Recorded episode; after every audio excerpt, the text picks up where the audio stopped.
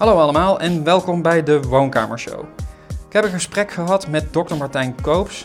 Hij is auteur van het boek Game Didactiek en van een ander boek, Game Didactiek 2. Zoals je ook kunt raden heb ik met hem gehad over games, oftewel spelletjes. En in het gesprek ging het erover hoe je die kunt inzetten tijdens de les. Het is eh, naar mijn mening een heel interessante podcast. Ik hoop dat je het ook net zo interessant vindt. Ik wens je heel veel plezier toe met het beluisteren van deze podcast. Hartstikke bedankt dat je met mij in gesprek uh, wil gaan. Ja, leuk. Ja, want uh, ik heb je boek gelezen. Ik ben ook bij uh, de conferentie geweest. Heb ik zelfs de workshop gevolgd. En dat was dermate interessant dat ik dacht, nou, ik wil gewoon een keertje met jou een gesprek over game didactiek. Ja. Maar eigenlijk de eerste vraag die ik had was, dat is vooral voor de mensen die er nog nooit van hebben gehoord. Wat is game didactiek? Uh, nou, game didactiek is het, uh, het inzetten van spellen in je, in je onderwijs.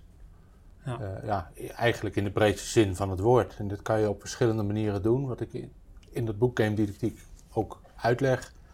je kan eigenlijk afhankelijk van je leerdoel kan je een ander soort spel inzetten. En je kan gamification gebruiken. Gamification dat is het, het inzetten van spelelementen in een niet-spelomgeving. Dus je kan je les opleuken, een beetje uh, motiverender maken, uh, aantrekkelijker maken voor leerlingen door wat autonomie en wat keuzemogelijkheden in te, in te bouwen. Ze zelf te laten kiezen wat voor badge ze willen halen. En dan ben je eigenlijk echt aan het gamificeren. Dan pak je een paar spelelementen, die strooi je een beetje over een les heen. En je laat verder je les intact. Maar je kan ook eigenlijk helemaal aan de andere kant van het spectrum een speciaal spel ontwerpen voor een boodschap die maar niet over wil komen bij leerlingen. Hm. Ik ben fysicus en bijvoorbeeld zoiets als een concept van de tweede wet van Newton, dat een snelheidsverandering altijd gepaard gaat met een kracht en dat als er geen kracht is, geen snelheidsverandering. En, nou ja, kijk, nu kom ik al bijna in de, in de knoop om het uitleggen, omdat die boodschap zo slecht in woorden past. En als je een spelletje maakt in een, een ruimteschip door een vrijwilligersloos doolhof uh, laat vliegen, dan voelen leerlingen meteen wat er aan de hand is. Ja. Je kan dat heel goed in een simulatie uh, stoppen. En, maar leerlingen vinden simulaties saai, maar als je er een doel aan koppelt en punten en, uh, en iets met een uitdaging, diamantjes verzamelen, dan wordt het een, een spelletje en ondertussen ondergaan ze die simulatie en voelen ze de boodschap. En ja. dan kan je die later kan je er stickers op gaan plakken. Maar dat is heel anders dan gamification. Bij gamification pak je wat spelelementen, die strooi je over een les. En als je op een gegeven moment iets hebt wat werkt, kan dat in andere lessen ook. Tot het gaat vervelen misschien op den duur. En zo'n educatief spel met een speciale boodschap, dan ben je heel lang aan het ontwerpen. En dan heb je één spelletje voor paragraaf 3.2.6. Ja, en dat flitst natuurlijk voorbij in een jaar. Dus dan, ja. Uh, ja, als iedereen nou als iedereen nou een spelletje zou maken, zou met z'n allen zouden daar een heel, heel snel klaar zijn. Ja. Maar dat, ja, dat is best wel moeilijk om uh, die spellen te maken. Ja. En, en, en daar zit van alles tussen. Dat, nou, dat hele scala is game didactiek. Je kan ook simpelere spelletjes maken. Je kan een memory spel maken rond een bepaald concept. Of je kan een, een set spel maken. Of nou, je kan op allerlei verschillende manieren spellen inzetten in je les. Ja. En um, waarom zou je game didactiek willen inzetten? Om een probleem op te lossen. Ik ben er niet voor om uh, spellen te gaan gebruiken omdat het vet is om spellen te gebruiken. Want het kost best moeite. Dus ik zeg ook altijd tegen, onze studenten, uh, leraren, als je een les hebt die goed loopt, dan moet je daarvan afblijven en dan moet je blij mee zijn. Maar als je een les hebt die niet goed loopt, dan zou een spel wel eens iets kunnen toevoegen zou wel zijn waarde kunnen hebben. En dat kan van alles zijn. Bijvoorbeeld uh, als leerlingen hun huiswerk niet maken, dan kan je proberen om dat betekenisvol te maken. Hm. Bijvoorbeeld door een, nou, een, een, bewerkelijk voorbeeld, door een escape room te maken. Je zegt we gaan volgende keer een escape room doen en uh, daar kom je alleen maar uit als je hoofdstuk 4 kent. Want de escape room gaat over hoofdstuk 4. nou, dan is de kans dat ze hun huiswerk gaan doen of dat ze dat hoofdstuk gaan lezen groter. En zeker als een stukje motivatie dus. Ja, er komt daar motivatie in. En dan kan je met wederzijdse afhankelijkheid zorgen dat ze Weet je, als je ze in een team stopt en iemand heeft zijn huiswerk niet gedaan, die houdt de rest op. Dan is dat ook weer, nou, misschien wat, wat grimmigere motivatie dan pure lol. Maar de, dus de peer pressure is ook een motivatie die je in zo'n spelletje ook kan, uh, kan inbouwen. Maar nou ja, je, zo kan je heel breed denken. Er zijn een heleboel game mechanics die, die je zou kunnen inzetten daarvoor. En dat kan je dan dus gebruiken om te zorgen dat ze wel een huiswerk gaan doen. Of dat ze wel 100 sommetjes gaan oefenen. Kan je een of ander heel flauw uh, online spelletje maken met, uh, met 100 levels. Nou, dat is misschien leuker dan 100 sommetjes maken. Ja. Het is niet gezegd dat meteen uh, alle problemen als sneeuw voor de zon smelten. Ja. maar het is wel, voor mij, vind, ik vind het wel een teken dat een spel misschien iets kan doen op het moment dat een les vastloopt. Ja. Zoals het voorbeeld van die tweede wet van Newton. Dat kan je kinderen honderd keer vertellen, maar dat, ze snappen het nog niet, omdat het, het, het, het wemelt van een misconcept en het is zo abstract. Ja. En als je maar loopt die jeuien en die boodschap niet overkomt, dan kan je op een gegeven moment denken, misschien moet ik eens iets anders proberen. Nou, en waarom dan niet een spelletje proberen? Ja. Ja, dat, dat is... zou ook een video kunnen zijn of een excursie naar het zwembad. Er zijn natuurlijk meer dingen, maar Ja. op dat moment kan je denken, nou, misschien dat het spel hier iets toevoegt. Ja, dat is een van de opties natuurlijk die je dan hebt. Want er Ja. ja, zijn er inderdaad veel meer. Maar ehm, ja, want dat is ook wel iets inderdaad waar ik mee kamp in mijn lessen. Is dat, er- dat je dan sommige onderwerpen, die zijn eigenlijk helemaal niet, ja, om het zo maar te zeggen, sexy. Of helemaal, die verkopen niet goed. Ik geef zelf geschiedenis. Ja? Ehm, ja, en daar verzin je dan van alles voor. Maar game, eh, de game optie heb ik eigenlijk nooit gedaan. En ehm, kijk, ik geef wel bijvoorbeeld... Ik las ook in je boek over hoe je dingen kunt ontwerpen. En dat wil ik graag ook nog van je weten Ja. nog meer. Maar kijk, ik heb dan bijvoorbeeld... ehm dat leerlingen eh, meer keuzevragen laat maken. Krijg Ja. ze een cijfer voor en klaar. Dat Ja. is natuurlijk niet zo heel motiverend voor sommige leerlingen. Ehm, maar hoe zou jij, ehm, of hoe kunnen docenten makkelijk hun les gamificeren? Ehm, Of misschien niet eens makkelijk, hoe kunnen ze hun nou les... ja, je moet, eh, als je wil gamificeren, dus je wil zeg maar je les redelijk intact laten en leuker maken, hè, dat is wat Ja. ik onder gamificeren versta, dan eh, is de aanpak eigenlijk om eerst na te denken, wat wil ik dat die leerling moet doen? Wat is, wat is de taak die ik wil, wa- waartoe ik ze wil motiveren? Die, Ja. welk gedrag wil ik uitlokken? En dat kan zijn een, een boek lezen, of dat kan zijn eh, sommetjes maken, of een, een, een samenvatting maken. En dan is de volgende stap om te bedenken: wat kan ik nou voor uitdagende opdracht bedenken, die alleen maar lukt als je die taak hebt gedaan? Dus neem dat voorbeeld van de escape room net. Die, die Mhm. escape room, nou, ga ervan uit dat ze dat de, de- de- tof vinden om een escape room te doen. Maar als die helemaal over hoofdstuk 2 gaat, dan moeten ze hoofdstuk 2 wel lezen, want anders dan kunnen ze die escape room niet. Ja, Dus je kan proberen om het voorwaardelijk te maken om iets te behalen. Om een, een bepaald doel af te tikken. Of Ja. een level te halen. En als, ze, als je ze één keer mee hebt in zo'n eh, zo'n structuur, dan eh, kan je ook als beloning de volgende uitdaging neerleggen. Dus ik heb wel eens Ja. gehoord van een leraar die allemaal practica had die leerlingen moesten doen. En toen had hij het zo geframed dat als je practicum 1 had gedaan en je had hem goed gedaan, dan kon je practicum 2 kopen. En als je dat had gedaan, kon je practicum 3 kopen. dat is natuurlijk de droom van En dan gaan die leerlingen veel harder mee aan de, aan de, aan de haal dan als je gewoon een lijstje geeft. Ja. En je moet eerst 1 doen en dan 2 en dan 3. Nou, en dan kan je natuurlijk nog uitdagender maken. Als je Ja. zegt, als je voor 1 dan 8 punten hebt, dan mag je 2 overslaan. Of je mag zelf kiezen of je er drie doet die achter elkaar eh, goed moeten lukken. Of je moet een makkelijke en een moeilijke. Of, nou, je, Ja. je kan ze zelf combinaties laten maken uit zijn aanbod. Waardoor, er, eh, waardoor de leerling in autonomie, daar gaat het eigenlijk om, dat hij zelf kan kiezen wat hij, wat hij doet. En Ja, dat, dat motiveert. En hij moet meteen feedback krijgen. Ja, dat. Maar ja, hoe kan je een les gamificeren? Ik heb wel ideeën in dat, de- het boek eh, Game Didactiek, het eerste boek, Mhm. staat een hoofdstuk waarin ik eh, uitleg hoe ik mijn wiskundecursus gamificeer. Dat ga Ja. ik straks ook weer geven. Er hangt een poster aan de muur, een schaakbord met alle mogelijke antwoorden.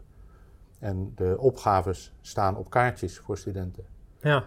En ze moeten met z'n vieren 16 vragen beantwoorden. En als die alle 16 goed zijn, dan krijgen ze een nieuw setje kaartjes. En dan moeten ze weer alle 16 hebben en dan krijgen ze weer een nieuw setje. En ja, ik moet dat snel nakijken of dat goed is. Dus Mhm. wat ze dan doen, ze zoeken de antwoorden op hun vragen op op een poster op de muur. En ze vullen op een antwoordformulier de coördinaten in. Dus ik krijg een blaadje met A1, B4, C6, D8. En dat kan ik in 10 seconden nakijken. En ja, voor die leerling, student, is het heel spannend. Want als jij net de, alle rode kaartjes hebt gedaan, dan hoop je natuurlijk dat de fout niet bij de rode kaartjes zit. Ja. Want je, dan hou je het hele groepje tegen. Ja. Voordeel is wel, als je het niet goed hebt, dan moet je terug naar je groepje. En de mensen die het wel goed hadden, die moeten jou wel helpen, want die kunnen toch niet verder ondertussen. Oh ja. Dus je, je Je helpt elkaar. differentieert ja. ook een beetje, ze gaan elkaar helpen. En, Dus meteen directe feedback eigenlijk. Het is, ja, ze geven elkaar feed. En als ze er niet uitkomen, dan steken ze hun hand op. Dus je, je promoveert jezelf eigenlijk van lesboer tot helpfunctie. Ja. Die leerlingen die, die gaan echt actief om kennis vragen als die nodig is. En dan weet je ook zeker dat je verhaal niet op de grond valt, want dat is op dat moment nodig. ja. En ja, die, die leerlingen die bereiden zich een beetje voor op die les. Want het is natuurlijk best wel lullig als jij de hele tijd degene bent die zegt... ja, sorry, ik heb mijn huiswerk niet gedaan, ik kan dit niet. Ja. Ja, dan heeft het hele groepje meteen een probleem. een hele ja. boel op. Dus er zit ook wel weer die peer pressure op. Ja. Heeft ook als nadeel, in het, het, ik geef dat, de, de masteropleiding hier voor de, de eerste graads docenten. Eh, nou, ik heb wel eens de indruk dat er ook wel mensen zijn die dan niet meer durven te komen als ze hun huiswerk niet doen. Dat ze denken, nou ik blijf weg, want het is een Oh, beetje ja. gênant, want ik hou nou de boel op. Ja. Dus ja. dan is er bij mij ook nog een escape mogelijkheid. Dan mag je ook nog apart gewoon traditioneel sommen maken en dan help ik je met, eh, met uitleg. En, eh, ja. Ja.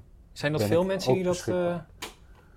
Nou, doen, nee, het zijn niet zoveel. Het hangt een beetje vanaf hoe het geroosterd is. Weet je, ja. Als ik s'avonds laat zit en er zitten een heleboel tussenuren voor, dan eh, eh, is de neiging om af te haken wat, wat groter. Dus Ja. dat ook, hangt ook van meer aspecten af. ja, je hebt natuurlijk hier ook geen aanwezigheidsplicht, lijkt me. Nee, precies. Nee, ja. ja. ja dus dan krijg je wel Dus, eh, al denk ik sneller de gemotiveerdere leerling, ja. ja, of student dan in dit geval. ja. Ja. Maar dat heeft dus ook wel weer nadelen. En het, Ja. ja. dan moet je ook. Het is ook gewoon een kwestie van doen en proberen wat werkt en niet werkt. En dingen Ja. een, beetje, een beetje tweaken. Ik heb ook wel eens een groepje die dan als eerste de vragen goed hadden. En die wouden dan op het scorebord eh, dat ik ze een goudkruisje gaf in plaats van een gewoon kruisje. want ze waren als eerste. Nou, daar ben ik een jaar in meegegaan. En toen werd het, hele, werd het een soort wedstrijd. ja. En dat wil je eigenlijk niet, want dan is de rust om te leren en om een beetje te reflecteren om wat je nou eigenlijk aan het doen bent, om vragen te stellen aan elkaar, die is helemaal weg. Dan wordt het alleen maar één grote Ja, precies. Dat was inderdaad wat ik ook mezelf afvroeg. Van, zit daar dan nog een wedstrijdelement tussen groeps? Maar dat probeer je dan juist te voorkomen. Ja, ik Ja. probeer wel te belonen als je dingen eh, afmaakt, maar niet dat de snelste automatisch met de buit vandoor gaat of zo. Ja, Dus ik probeer ook vaak wel in, in beloningen een balans te vinden eh, tussen inspanning en, eh, hoe zeg je dat? Dat de prijs niet automatisch naar de beste leerlingen gaat. Mhm. Dus dat het een soort loterij wordt. ja, Dus weet je, als je een loodje kan kopen, je hebt twee loodjes verdiend. En dan, als je er dan vier hebt, is de kans dat je de prijs wint twee keer zo groot. oh ja. En als iemand anders er al twaalf heeft, ja, dan is het voor jou nog steeds Nog loont het om van die ja. vier naar acht te gaan. Ja, En dan hoef je niet te denken, ja, maar hij heeft er al twaalf, dus laat maar zitten, dat haal ik nooit meer in. ja, En als je gewoon een competitie doet, dan is dat wel een heel groot gevaar. ja, Omdat een hele sterke game mechanic is verliesvermijding. ja, Verliezen is echt heel vervelend. En eh, ja, als je dan zegt, dreigt te verliezen, dan is een hele slimme tactiek om te zeggen, ik hou niet van spelletjes, doe helemaal niet mee eigenlijk. Mhm. Dus, Worden eh, mensen dan ook wel eens zeg maar, in dat spel boos? Nee, dat heb ik niet zo vaak. Kan, ja, het hangt er ook weer vanaf hoe. Als je heel erg op, op competitie en op dat winnen gaat zitten, is die Mhm. kans groter, denk ik. Ja, Dat je de. Nou, dat zullen toch de killers zijn, de, een bepaald spelerstype, wat dan als eerste, eerste boos wordt. Mhm. En ja, de- je moet. Ik probeer weg te blijven bij dat soort eh, mechanismes die dat uitlokken. Dus Mhm. die, die echte harde competitie. ja. Uh, ja, dan haken er ook, ook mensen af. Ja, precies. Ja, want daar schuilen wel meer gevaren in. Ook als je bijvoorbeeld dan een groepje zou hebben waar de ene het niet weet, dat dan de rest eigenlijk gaat wijzen van jij bent uh, niet goed bezig en dat nee, precies, brengt ja. ons in het nadeel. Dus, dus die veiligheid is ook iets waar je... Ja, het is allemaal heel moeilijk om te zeggen, je moet dat zo doen of je moet het zo doen. Ja. Maar ik probeer wel uh, zoveel mogelijk, of ja, als, als dit gevaar, als ik het idee heb dat dat gevaar er is, om mensen in groepjes te laten uh, strijden tegen elkaar. Als het strijden is. Dus als je een soort. Ik heb een cursus waar we een soort slimste mens doen. Een soort quiz. En dan moeten mensen de, de, boek bestuderen of filmpjes bekijken. En dan ga ik in de les even kijken of de belangrijkste zaken doorgekomen zijn met nou, typische spelletjes die ze ook bij de slimste mensen quiz op de televisie doen. Mm -hmm. Dus dat is dan een soort overhoring. Ja. Maar dan spelen we met groepjes tegen elkaar. En dan nou, heb je natuurlijk veilig, nog steeds dat ene groepje beter is dan het andere groepje. Maar als je naar huis fietst, kan je toch denken: ja, ik zat niet in zo'n goed groepje en daarom ja. is het niet gelukt. je hoeft, het, het, is toch veiliger als je daar achter kan verschuilen. Ja. Dus uh, ja, dat zijn dingen om in de gaten te houden. En om waakzaam op te zijn, maar ik kan niet precies zeggen hoe je dat nou altijd moet doen. Ik heb niet echt een. Een format over. Nou ja. er zijn wel wat templates waarvan ik zeg dat, dat, dat, dat werkt altijd wel. Maar hoe je zoiets precies moet ontwerpen. Je, het is ook een kwestie, ja, wat ik net al zei, van het uh, doorontwikkelen en goed kijken wat er gebeurt. Ja. Zoals die gouden kruisjes die ik gaf, dat doe ik één keer, maar daar ben ik toen weer mee opgehouden. Dus dat is nou niet. En daar heb ik dan ook weer van geleerd. Dus moet ik me oppassen. Niet iedereen altijd zin geven. Ja, want, want net zoals die gouden kruisjes, dat is dan een suggestie van de studenten zelf. Maar laat je dan bijvoorbeeld als taak leer, zeg maar, studenten of leerlingen uh, zelf games ontwerpen voor de les? Of begin je daar niet aan? Nou ja, we hebben. Ik, ik geef uh, nascholingen en of, of, presentaties op scholen, waar, workshops waar mensen zelf spellen ontwerpen. En we hebben hier op de Hogeschool Utrecht een minor. Uh, vernieuwend leren met ICT en games. En er zitten een aantal cursussen in waar studenten zelf spellen ontwerpen voor hun eigen lessen. Dus is dat wat je bedoelt? Ja. ja. Dus dat, dat doen we wel veel. Dat, nou, daar waarschuwen we ze ook voor dit soort, uh, dit soort valkuilen. Maar is het dan dat ze het echt voor... Dus ze ontwerpen zelf een game voor een eigen les? Ja. Maar niet de eigen les als in de trant van de les die zou op dat moment volgen. Maar meer voor de les die ze gaan geven. Oh, voor een les die ze geven, ja. Nou, dat, dat, is, dat is ook nog een manier om te zeggen: ik wil een hoofdstuk over de Romeinen doen. -hmm. uh, ga, laat leerlingen een spel over de Romeinen maken. Dat is uh, ook een manier om gaming in te zetten. -hmm. Daar heb ik niet zoveel. Ik heb ik nog niet zo vaak gedaan. Ik heb er ook niet zoveel over geschreven. Dat valt net een beetje buiten. Ja. Ja. Buiten het onderzoek. Ja, precies. Ook Ja. buiten het concept van ja, waar die games dan aan moeten voldoen. Ik zit Ja. meer van de, van de ja. Ja, en ehm, eh, je had het net ook over dat je een bepaalde taak wil bereiken. Maar kun je een taak ook zien als, ehm, want dat is mij nog niet helemaal duidelijk, als een soort, als een leerdoel? Ehm, Dus dat in plaats Ja. van dat je zegt, ik wil dat ze eh, een hoofdstuk lezen, dat je zegt, nou, ik wil dat ze dit specifieke leerdoel beheersen. Of is dat hetzelfde Ja. eigenlijk? ehm, je, leer, dat, je leerdoel is wat je uiteindelijk wil bereiken. Hè? En Ja. daar zit dat, dat spel is daar onderdeel van. Of het spel kan toetsen of je dat bereikt hebt. Dat, is, dat het boek over die digitale spelletjes gaat heel erg over hoe kan je nou toetsen of die leerling wel op het goede niveau zit. Of die, de, de, die zijn kennis kan toepassen of reproduceren. Of, of dat hij dat, dat op het goede niveau beheerst zodat hij verder mag. Ehm, ja, dus dat, je kan dat eisen. Als je een toetsspel hebt, kan je dat eisen. Ja, ben je eigenlijk aan het toetsen of iemand die, die taak kan volbrengen of aan een leerdoel voldoet. Ehm, ja, klopt. Is dat antwoord op je vraag? Een beetje, ja, dus, uh, ja, want het, het, leek me, zeg maar, omdat het leek net in eerste instantie van, omdat het een taak puur is om een leerling een actie te laten ondernemen, maar ja, je wil, uiteindelijk lijkt me dat, je, dat hij het ook beheerst. Ja, ja. Nou, ja en dat, dat zit natuurlijk niet allemaal in het spel. Het zit ook in de lessen die eromheen zitten. Ja. Maar bij gamification is het... Ja, daarmee kan je heel goed gedrag oproepen. Mm En gedrag wat leerlingen niet uit zichzelf vertonen, dat kan je daarmee aanzetten. Ja. Maar je kan natuurlijk moeilijk regelen dat iemand ook echt iets beheerst. Of dat mm het ook heeft verwerkt. Dus je kan wel proberen om de voorwaarden te scheppen om dat lerende gedrag uit te lokken. En je kan later toetsen of het gelukt is. Ja. Ja, dat. Nou ja, kijk, dat is. Ehm, je kan het. Dat is wel interessant, want dan, dan is op zich. Er zit dus meer om uh, gamification heen dan alleen het spel zelf, dus. Ja, absoluut. Ja.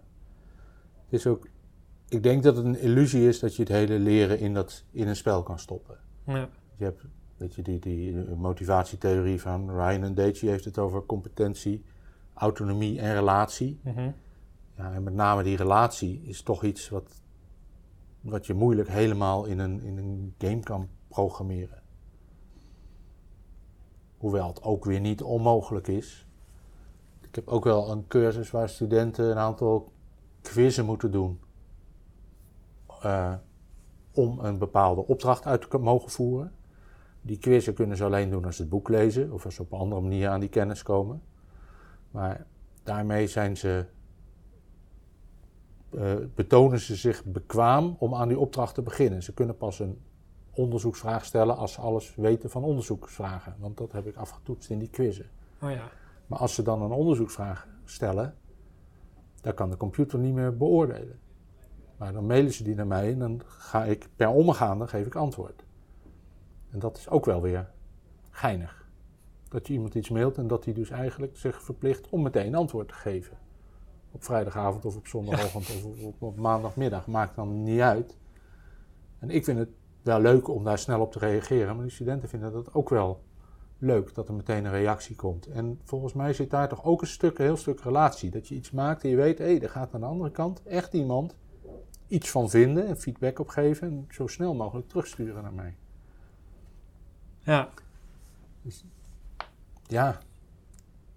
Is dat, is dat gamey of niet? Het is in ieder geval wel onmiddellijke feedback. En dat is wel een van de, de game mechanics die je moet hebben. In een goed spel moet je niet lang wachten met feedback geven.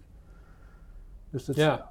je maakt allemaal wel gebruik van dat soort aspecten waardoor de cursus als geheel motiverend wordt en veel beter werkt dan traditionele cursussen, waar je gewoon iedere week een opdrachtje bespreekt en uh, ga eens in groepjes met elkaar praten hoe, hoe, het ervoor staat. En, en zie je dan uh, bijvoorbeeld met die opdracht wat je net zei, van met, omdat je dan heb je die feedback gegeven, zo, zie je dan ook dat het resultaat daardoor echt daadwerkelijk beter wordt? Ja, omdat, uh, ja, omdat studenten gewoon uh, boek lezen. En anders doen ze dat niet zo goed. Dus ze hebben gewoon meer kennis. Ze zijn met meer kennis gaan ze aan de slag. En omdat ik feedback geef op wat ze doen tussendoor.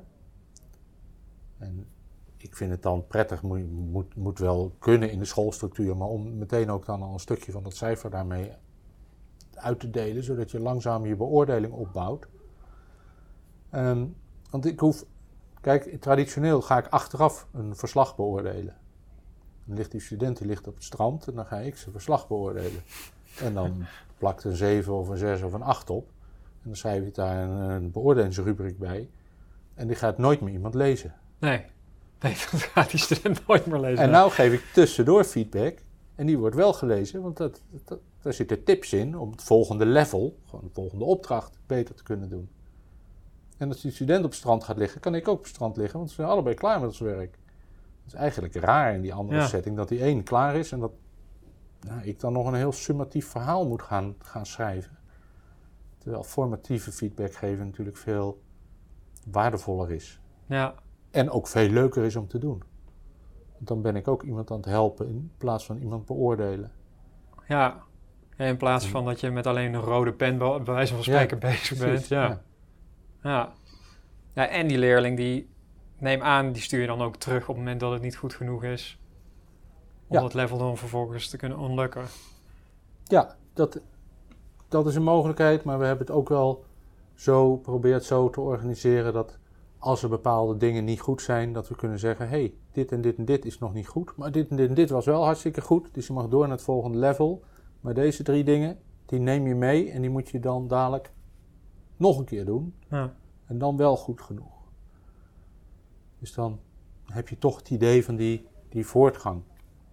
Dat je, dat je niet kan blijven zitten. Ja, precies. Maar goed, ja, het hangt er vanaf hoe je dat, hoe je dat wil, wil inrichten. ja, dat kan bij geschiedenisonderwijs natuurlijk ook heel goed. Ja. Ja, en ehm, heb je dan ook studenten die, ehm, die daar niet in meegaan? Waar het niet bij eh. lukt, om het zo maar te zeggen. Ja, ik heb wel, ja. Er zijn soms studenten die zeggen: Ik hou niet van spelletjes. Die, die, die willen dat niet. En ik weet niet zo goed waarom niet. Misschien. Uh, hier op de hogeschool zijn natuurlijk allemaal volwassenen. Die, gaan, die komen hier om te leren. Die komen hier niet om spelletjes te spelen. Oh ja. Maar goed, het leren deel komt hier om te leren om leraar te worden. En die zien wel van, hé, hey, dit is best wel motiverend. Dat ga ik met mijn leerlingen ook doen. Dus die, die kopiëren dat. dat is, er zijn niet zo heel veel mensen die niet in meegaan. En er was zelfs tijdens een onderzoek wat we deden, wat ik net vertelde, om een, een cursus te gamificeren, waren een paar studenten die zeiden: Ja, wij willen gewoon een verslag schrijven, want dat gedoe met die quizjes vinden we een beetje kinderachtig. Mogen we niet gewoon een verslag schrijven? Dan zei ik: Nee, dat mag niet, want je zit in een pilotgroep en je hebt gewoon pech. dat was een beetje bluff, want uh, ik weet niet of ik dat zo had kunnen stellen, maar die studenten gingen daarin mee. En die kwamen achteraf zeggen dat ze het zo'n super toffe cursus vonden. En toen ik mensen zocht om andere cursussen te helpen met input te geven, om andere cursussen te gamificeren, hebben zij daar subsidie voor aangevraagd. Geweldig. Dat ze achteraf zeiden van ja, we wouden eigenlijk dat verslag schrijven, maar omdat dat niet mocht, moesten we dat boek gaan lezen. En hebben we iets veel mooiers neergelegd dan we anders hadden gedaan. Want anders hadden we gewoon ja, net als altijd, een beetje door, door die opdrachten heen, ge, weet je, dan, dan, schrijf je wat en ze konden wel goed schrijven, dus die waren er wel doorheen ge, gehobbeld. En nu hadden ze toch veel gestructureerder en systematischer de, alle onderzoekstappen van een project doorlopen. En ze zagen zelf dat dat meerwaarde had. En dat ze het nog prettig vonden, ook achteraf. Maar dat is natuurlijk wel een unicum dat zoiets gebeurt. Dat iemand zo van helemaal de contramine helemaal de andere kant om door. Maar ja, het is wel mooi dat dat überhaupt. Maar het is wel dat je dat ziet gebeuren. Ja. ja. En ehm, heb je ook het idee dat, dat dit soort ehm, manieren beter werkt bij bepaald soort ehm, dingen die je wil bereiken? Dus ik noem maar wat, uh, een onderzoek uitvoeren of dat je ze inderdaad uh, gewoon simpelweg stof wil laten opnemen. Ja. Mm. Is er, is zit daar verschil tussen? Nou, dat is eigenlijk waar dat, dat boek Game Didactiek over gaat. Het hangt af van je, wat je wil bereiken, wat voor soort spel je moet inzetten. Of hoe je dat inricht. En ik denk dat je overal wel uh, een spel bij kan bedenken. Als je aansluit bij je doelgroep en als het aansluit bij het leerdoel. Als het bij elkaar, bij elkaar past. Daar moet je wel voor opletten. Maar er zijn ook wel uh,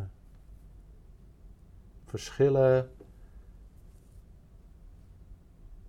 in hoe je bijvoorbeeld, uh, hoe zeg ik dat, de, de, de beloning. Ik merk bij studenten hier op de hogeschool dat als ik een spel maak, dat ik op een of andere manier altijd ergens een haakje moet hebben naar een uh, beoordeling.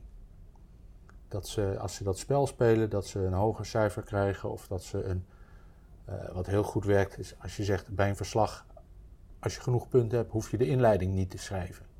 Oh ja. Dat, en ja, wat is dan nou de moeite van een inleiding schrijven bij een verslag? Maar toch, als dat dan niet hoeft, twee A4'tjes minder, dan gaan ze heel hard verhollen. Dus ik kan allemaal dingen doen, maar als het maar beoordelingsgerelateerd is, gaan die studenten hier heel hard hollen. Maar ik hoor van andere mensen die bezig zijn met uh, motivatie, uh, dit, dit, soort technieken op, op middelbare school. Zoals uh, Gerben Bakker en Stijn Volkers doen daar, doen daar veel mee. Ik weet niet, die waren ook op die conferentie hebben ze workshops gegeven. Die hebben juist de stelling van je moet nooit in cijfers beoordelen, want dat zijn zulke extrinsieke, uh, expliciete beoordelingen, dat, mhm. dat doodt de intrinsieke motivatie helemaal. Dan gaan studenten alleen maar voor dat cijfer spelen. Ja. Ja, dat is. Ja, Dat, dat, is. Uh, ik, ik, ik denk wel dat daar wat in zit. Alleen, uh, ja, je zit in de harde realiteit dat je met een school te maken hebt waar je dan als docent jezelf aan moet houden van dat je minimaal zoveel cijfers moet geven. Dus uh, maar je, ja. volgens, volgens Gerben en Stekker kan je, uh, Stijn kan je ook uh, betalen in motivatie of in, in, complimenten, zeg maar. Of beloningen. Dat je dat leerling gewoon kicken vindt om zo stoer, zo cool door zijn sommen of zijn opgave of zijn stof heen te gaan. Kijk, mij is soepel deze levels doorlopen. En, ja, ja, ik denk wel dat het het beste is om te, dat dat het beste zou zijn. Ja. ja. Ja. Dus ja, ik weet niet meer wat de vraag was waarom ik nou ja, dacht. ja, nee, want we, we hadden het over van uh, of, of er bepaalde manieren uh, of bepaalde spelletjes beter werken bepaalde, bij bepaalde dingen die je wilt bereiken of niet.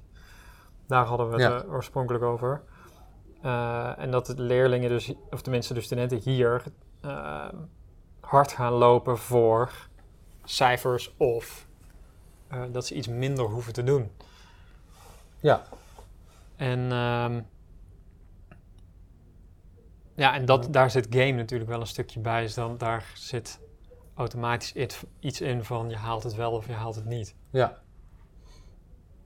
Aan de andere kant is het denk ik ook zo dat die studenten een soort excuus nodig hebben om te mogen gaan spelen. En als ze dan één keer in de gamecirkel gestapt zijn en ze doen mee met het spel, dan verliezen ze zich er ook wel in. Ja. Die, die, die wiskundecursus met die kaartjes waar ik over vertelde. De studenten doen dat omdat ik zeg, op die kaartjes staan de potentiële toetsvragen. Dus als je alle setjes gezien hebt, heb je alle toetsvragen al gezien. Maar het is, die sommen komen natuurlijk uit het boek. Dus als je alle sommen uit het boek doet, dan heb, je, ook alle toetsvragen gezien. En als je zegt, als je altijd je huiswerk doet, heb je alle toetsvragen gezien, dan doe je hetzelfde. Maar dan werkt het niet zo goed. Ja, Omdat ze met dat excuus toch maar aan de gang gaan met zo'n setje kaarten. En er is een beperkte tijd en ze hebben anderhalf setje af. En er is een halve tijd en toch kijken of we dat derde setje nog, nog af kunnen tikken. En ja, dan, dan zitten ze in dat spel en dan worden ze door die motivatie meegenomen. En zeggen ze, ja, nee, ik wil nog tien minuten door, nog even een kwartiertje, nog even die laatste sommetjes. En uh, mag ik ze thuis doen, dat ik volgende keer kan nakijken? Nou, dat soort vragen heb ik anders niet zo snel. Nee, dat, dat soort vragen heb ik echt nooit. Dus dat, uh, dat werkt wel. En, ja, en wat ik net zei, dat die beloning, de extrinsieke motivatie of intrinsieke motivatie doodt, dat wordt wel vaker gezegd. Hè, van mm. gamification moet je niet doen, want dat doodt de intrinsieke motivatie. Dan kom ik weer terug bij wat ik helemaal aan het begin zei. Van als studenten al intrinsiek gemotiveerd zijn, dan moet je in eerste instantie helemaal niet aan games beginnen, denk ik. Dan moet je blij zijn met het succes dat die lessen goed lopen. Ja, het is juist op het moment dat, dat, dat het er niet is en dat het uh, duwen en trekken is, dat een spel iets kan toevoegen. Ja, ja heel mooi. En ehm, wat, wat, ik, uh, wat ik me nog wel afvroeg, van stel je hebt de, de, die gamestructuur heb je klaarstaan. Ehm, wat doe je daar dan nog omheen om dat nog extra succesvol te maken? Gewoon klassiek, uh, frontaal, klassikaal presentaties geven? Of... Uh, nou, doe ik eigenlijk heel weinig meer. Voel ik me ook niet meer zo prettig bij. Weet je? Want als ik een presentatie geef, mensen zitten altijd wel beleefd stil te kijken dan. Maar dan heb ik toch het gevoel dat er niet, niet genoeg gebeurt. Er kan veel meer activiteit in, in zo'n groep zitten dan naar mij luisteren. Dus wat ik, eigenlijk wat ik eromheen doe is uh, flip the classroom. Hm. Ik doe heel veel uitleg thuis op video's. Uh, we werken sowieso heel veel met video's hier. Of ik geef uh, op de, de, video's hebben, hoef ik niet ook noodzakelijk zelf te maken. Het kunnen ook leesopdrachten zijn uit het boek. Maar studenten moeten thuis die, die kennis verwerven.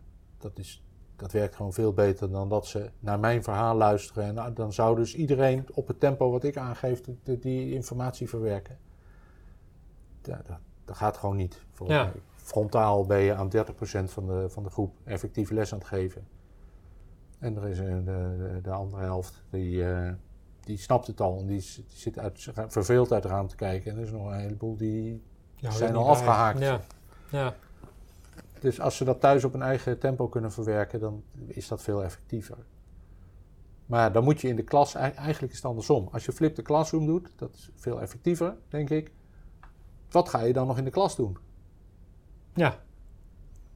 Dan moet je in de klas sommetjes gaan maken. Maar dat is boring. Dus dan moet je dat leuker gaan maken of uitdagender gaan maken. Dat kan zijn door uh, praktische opdrachten, of, maar ook heel goed door een spel te spelen of een spel te laten maken of bedenken. Nou, van, en vandaar ook, dat ze dus dat in die tijd moeten halen, want ze zijn daar in de les mee bezig. En als ze dan uiteindelijk niet halen, dan komen ze met de vraag: kan ik maar vijf minuten, 15 ja, minuutjes doorgaan? Ja. En dat, nou zeker bij die wiskunde. Vroeger legde ik dus frontaal uit, net na het eten, hoe, je differentiaalvergelijkingen oplost. Nou, zit iedereen een beetje weg te dutten.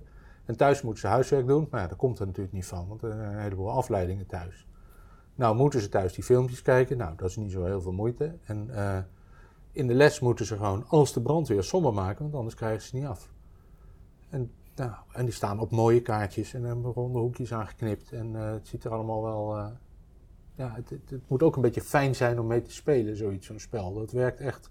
Dat moet niet uit elkaar het veel Nee, het is veel leuker dan als je dat gewoon op, op post-its gaat schrijven, al die sommetjes. Dan, ja, motiveert minder dan als het mooie glimmende kaartje staat. Dat werkt toch. Ja, Die, die esthetica, die, die, die speelt toch ook een rol.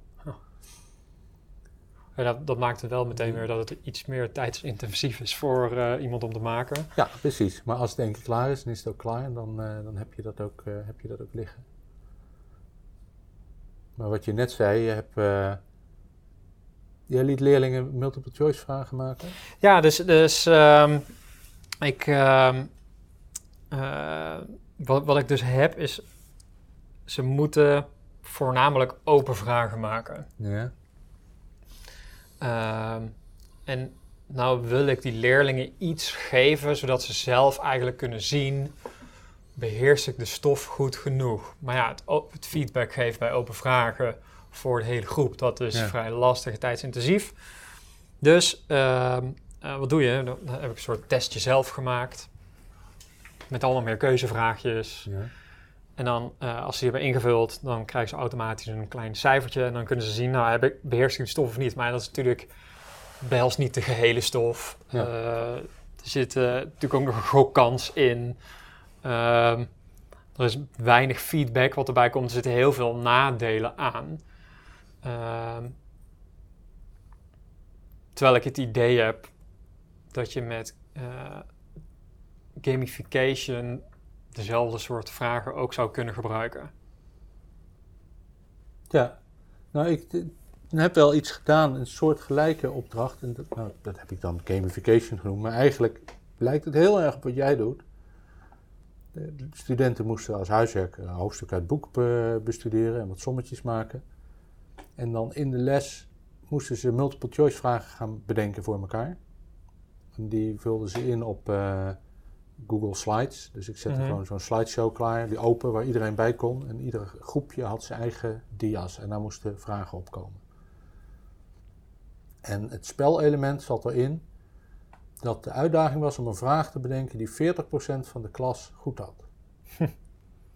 Dus ze moesten een vraag bedenken die niet zo makkelijk was dat iedereen hem wist, maar ook niet zo moeilijk dat niemand hem wist. Oh, het moest echt 40 procent? Oh, 40 procent. Dus als jouw vraag 38 procent scoorde, uh, goede kans dat je de winnaar was. Maar misschien komt er nog een 41 of een 39 of een 40 procent. Oh, ja. Dus ze maakten eerst gingen ze in drie kwartier of zo, maar zetten we die, die quiz in elkaar. En dan gingen we hem spelen. Dan zet ik eh Socrative open en dan op, op, op het scherm die, die, die slides. te- en dan om de beurt. Nou, de vraag van Vraag A van groep 1. Eens kijken. Nou, wat is het? Eh 60%. Nou, schreef ik op bord 60%. Nou, is te makkelijk. Ja. Voorlopig sta je nummer 1, maar ik denk dat er nog wel iemand komt die daaronder gaat. Nou, en dan was. Wat er gebeurde, was. We gingen die vraag beantwoorden. En dan eh, kwam het antwoord en dan 60%. En daarna zei ik. Maar hoe je die vraag geformuleerd hebt, eigenlijk niet helemaal goed. Eigenlijk moet je dus dat niet. eh, spanning maar stroom, wat je hier bedoelt. Of eigenlijk is dat niet. eh, de, de geleidbaarheid en weerstand is verschillend. Want omdat ze op zoek zijn naar een vraag die maar 40% van de klas goed heeft, zitten ze automatisch op, het, eh, op de rand van hun eigen, eigen kennis. Oh ja. Dus geven zelf een beetje aan waar die kennis ophoudt. Dus het, het regent eh, misconcepten dan. Ja, en dus, En- maar dan kun je dus ook meteen zien als die vraag veel te makkelijk is. Dat zij dus Ja. eigenlijk inderdaad niet voldoende kennis hebben Ja, precies, dat kan je er ook uithalen. om een moeilijke vraag te bedenken. Ja. ja. En je ziet studenten, dat was wel grappig om te zien, die gingen zelf ook een beetje inschatten. Dan werd er wat gegniffeld. Oh, ik geloof dat die hier een hele makkelijke vraag vonden. Wij vonden het moeilijk. Gingen ze zelf met foute antwoord intypen om het percentage nog een beetje te drukken. En daar was uiteindelijk de prijs was een zakje schoolkrijt. Dus dat, eh, dat deden ze dan niet voor, de, voor een cijfer. Oh ja. Dus dat was wel een voorbeeld van iets wat werkte om, zonder dat het meteen haakte aan de resultaten. Ja. Grappig. Ehm, als, je zou, als je zegt van, nou, ik, ik, stel ik ben een docent en ik denk, nou, ik wil gaan beginnen met gamification, waar, naast het lezen van je boeken, waar Ja, dat is eh, een goed begin. Ja. zou die moeten starten? Nou, ik zou klein beginnen en het gewoon doen. Dat is eigenlijk het allerbelangrijkste. En je moet, je moet wel een beetje lef hebben.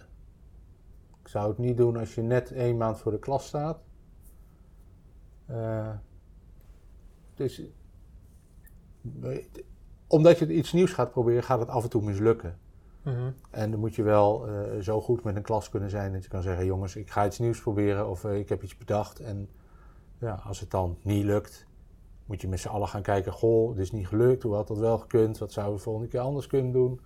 Dus je moet wel een beetje met zo'n klas kunnen, Ja, kunnen dat is voor een beginnend docent wel heel lastig natuurlijk. Ja, Ja. precies. Ja. Dus als je nog bezig bent met eh, hoe kan ik nou orde houden, en je denkt nu gaan ze allemaal eh, me heel lief vinden en meteen toffe docenten, is dat opgelost. Denk ik dat het, eh, dat zou wel eens tegen kunnen vallen. Ja. Want ik heb ook wel gemerkt, als ik spelvormen heb die bij mij heel goed werken en dan draag ik die aan iemand anders, draag ik zo'n cursus over, dat het dan niet lukt. En als ik dan ga kijken, denk ik, ja, maar ja. Er zijn er toch wel een heleboel handigheidjes die je eventjes. Ja, je moet bepaalde dingen handig doen. ja. Zoals zo'n 40% quiz die ik net, waar ik net over vertelde. Moet je wel van tevoren zeggen dat die multiple choice vragen op conceptueel moeten zijn.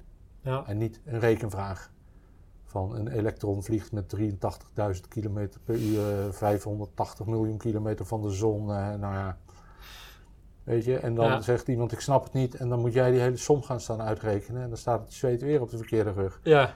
Dus je moet, en daar heeft ook niemand iets aan. Dan zitten ze allemaal te kijken hoe één iemand heel hard aan het werken is. ja. En Ja, en het verwijst dan natuurlijk ook dat je boven de stof al staat. precies. Ja,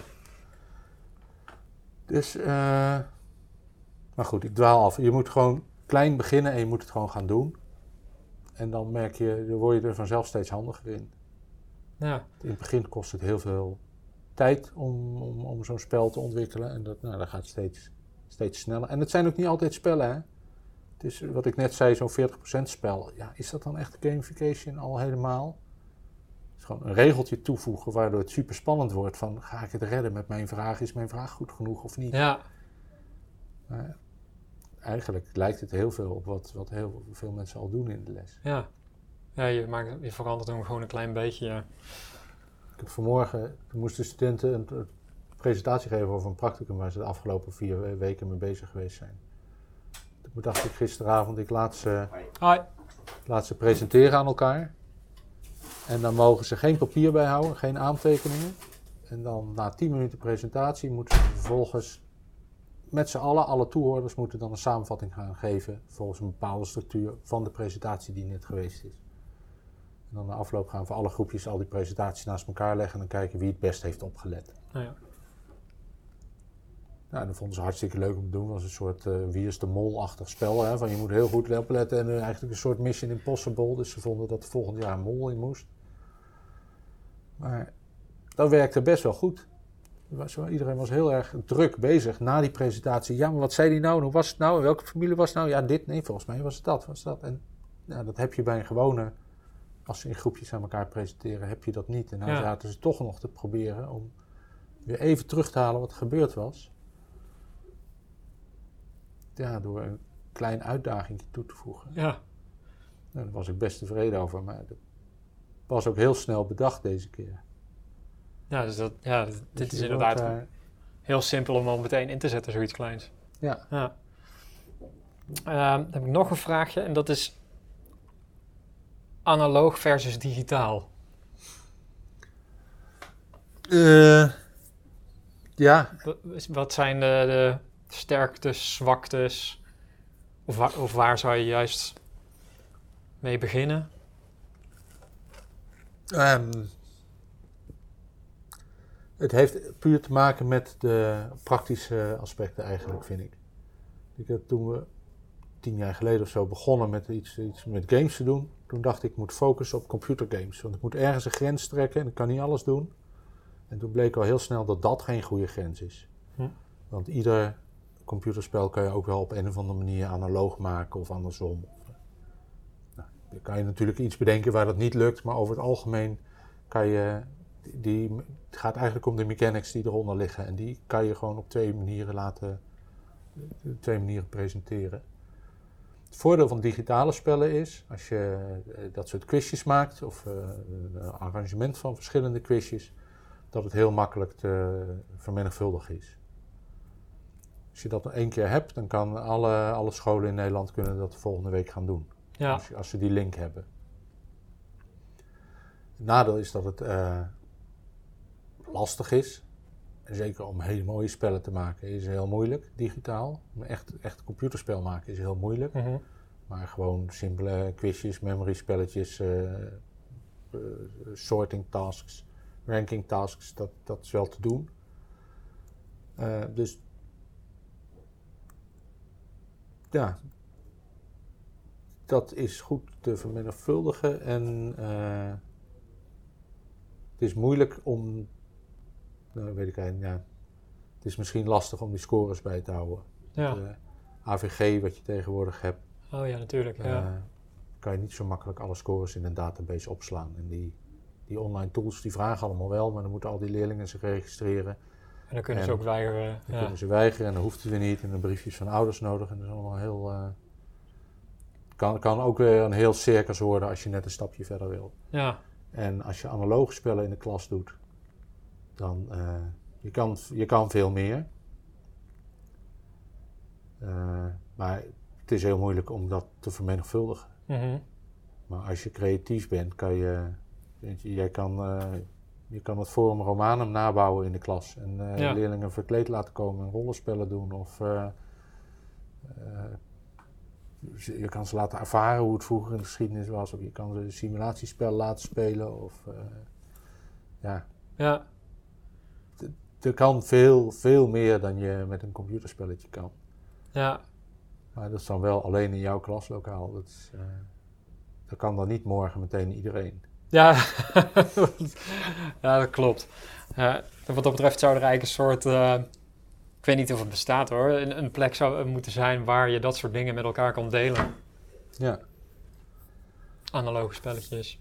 Ja, nou, we proberen dat we met de website Learn by Games, die we hier aan het optuigen zijn bij de, bij de HU, uh, zo'n zo'n platform te maken. We hebben nascholingscursussen waar mensen zich kunnen inschrijven. En die mm -hmm. komen dan ook een paar keer per jaar weer bij elkaar hier. En we in technieklokaal maken we dan een, een spellenfabriek. Dus dan kan je eigen kaarten printen en kopiëren en uh, dingetjes met een 3D-printer maken en uh, mooie dozen. Kan je, maar dus dat die look and feel wat je zei? Ja, kan je ja. gewoon echte spellen maken, weet je. Dan kan je, ga je naar huis met een kaartdoos, nou gewoon zo'n zo best wel professioneel uitziend doosje met speelkaarten die je dan zelf ontworpen hebt met de eigen regel erbij. Eigen regels. Superleuk. Ja. Dus daar heb je dat helemaal uh, zelf gedaan. En nou, we proberen daar een community van te maken en vanuit de website de producten van de studenten te presenteren. Studenten maken in de minor natuurlijk ook allerlei game-arrangementen, maar ook uh, papieren spellen of analoge spellen. Maar dan is het wel de eis dat dat vrij eenvoudig om te zetten is naar een, uh, vanuit een PDF om te zetten is naar een spel. Ja, precies. Ja. Dus dan leveren de studenten als eindproduct een PDF aan van een doosje en een, uh, van de kaartjes en dat soort dingen. Ja. Dus die kan in principe iedereen dan printen of ja. kopiëren en zelf namaken. Ah, super. Uh, welke website was dat even? Want het is misschien wel fijn voor... Uh... Learnbygames.hu.nl Oké. Okay. Kunnen ze daar dan vinden? Ja. Hij is nu even offline, helaas. Oh. maar wie weet als de podcast nou, online is dan... Precies, we zijn druk bezig om hem weer in de lucht te krijgen. Oh ja, super. Nou, ik vond het echt geweldig gesprek. Ik heb uh, er veel van geleerd weer. Nou, dankjewel. Ja, en uh, ik wil ook iedereen aanraden om uh, Game Didactiek en Game Didactiek 2 te bestellen. het is gewoon online te kopen. Tenminste, ja. volgens mij had ik hem bij Bol gekocht zelfs. Dus, ja, precies. Ja, en je kunt er veel van leren. Het is heel laagdrempelig. zeker het aanraden waard. Hartstikke bedankt voor het gesprek. Ja. En ook hartstikke bedankt voor het luisteren. En tot de volgende keer.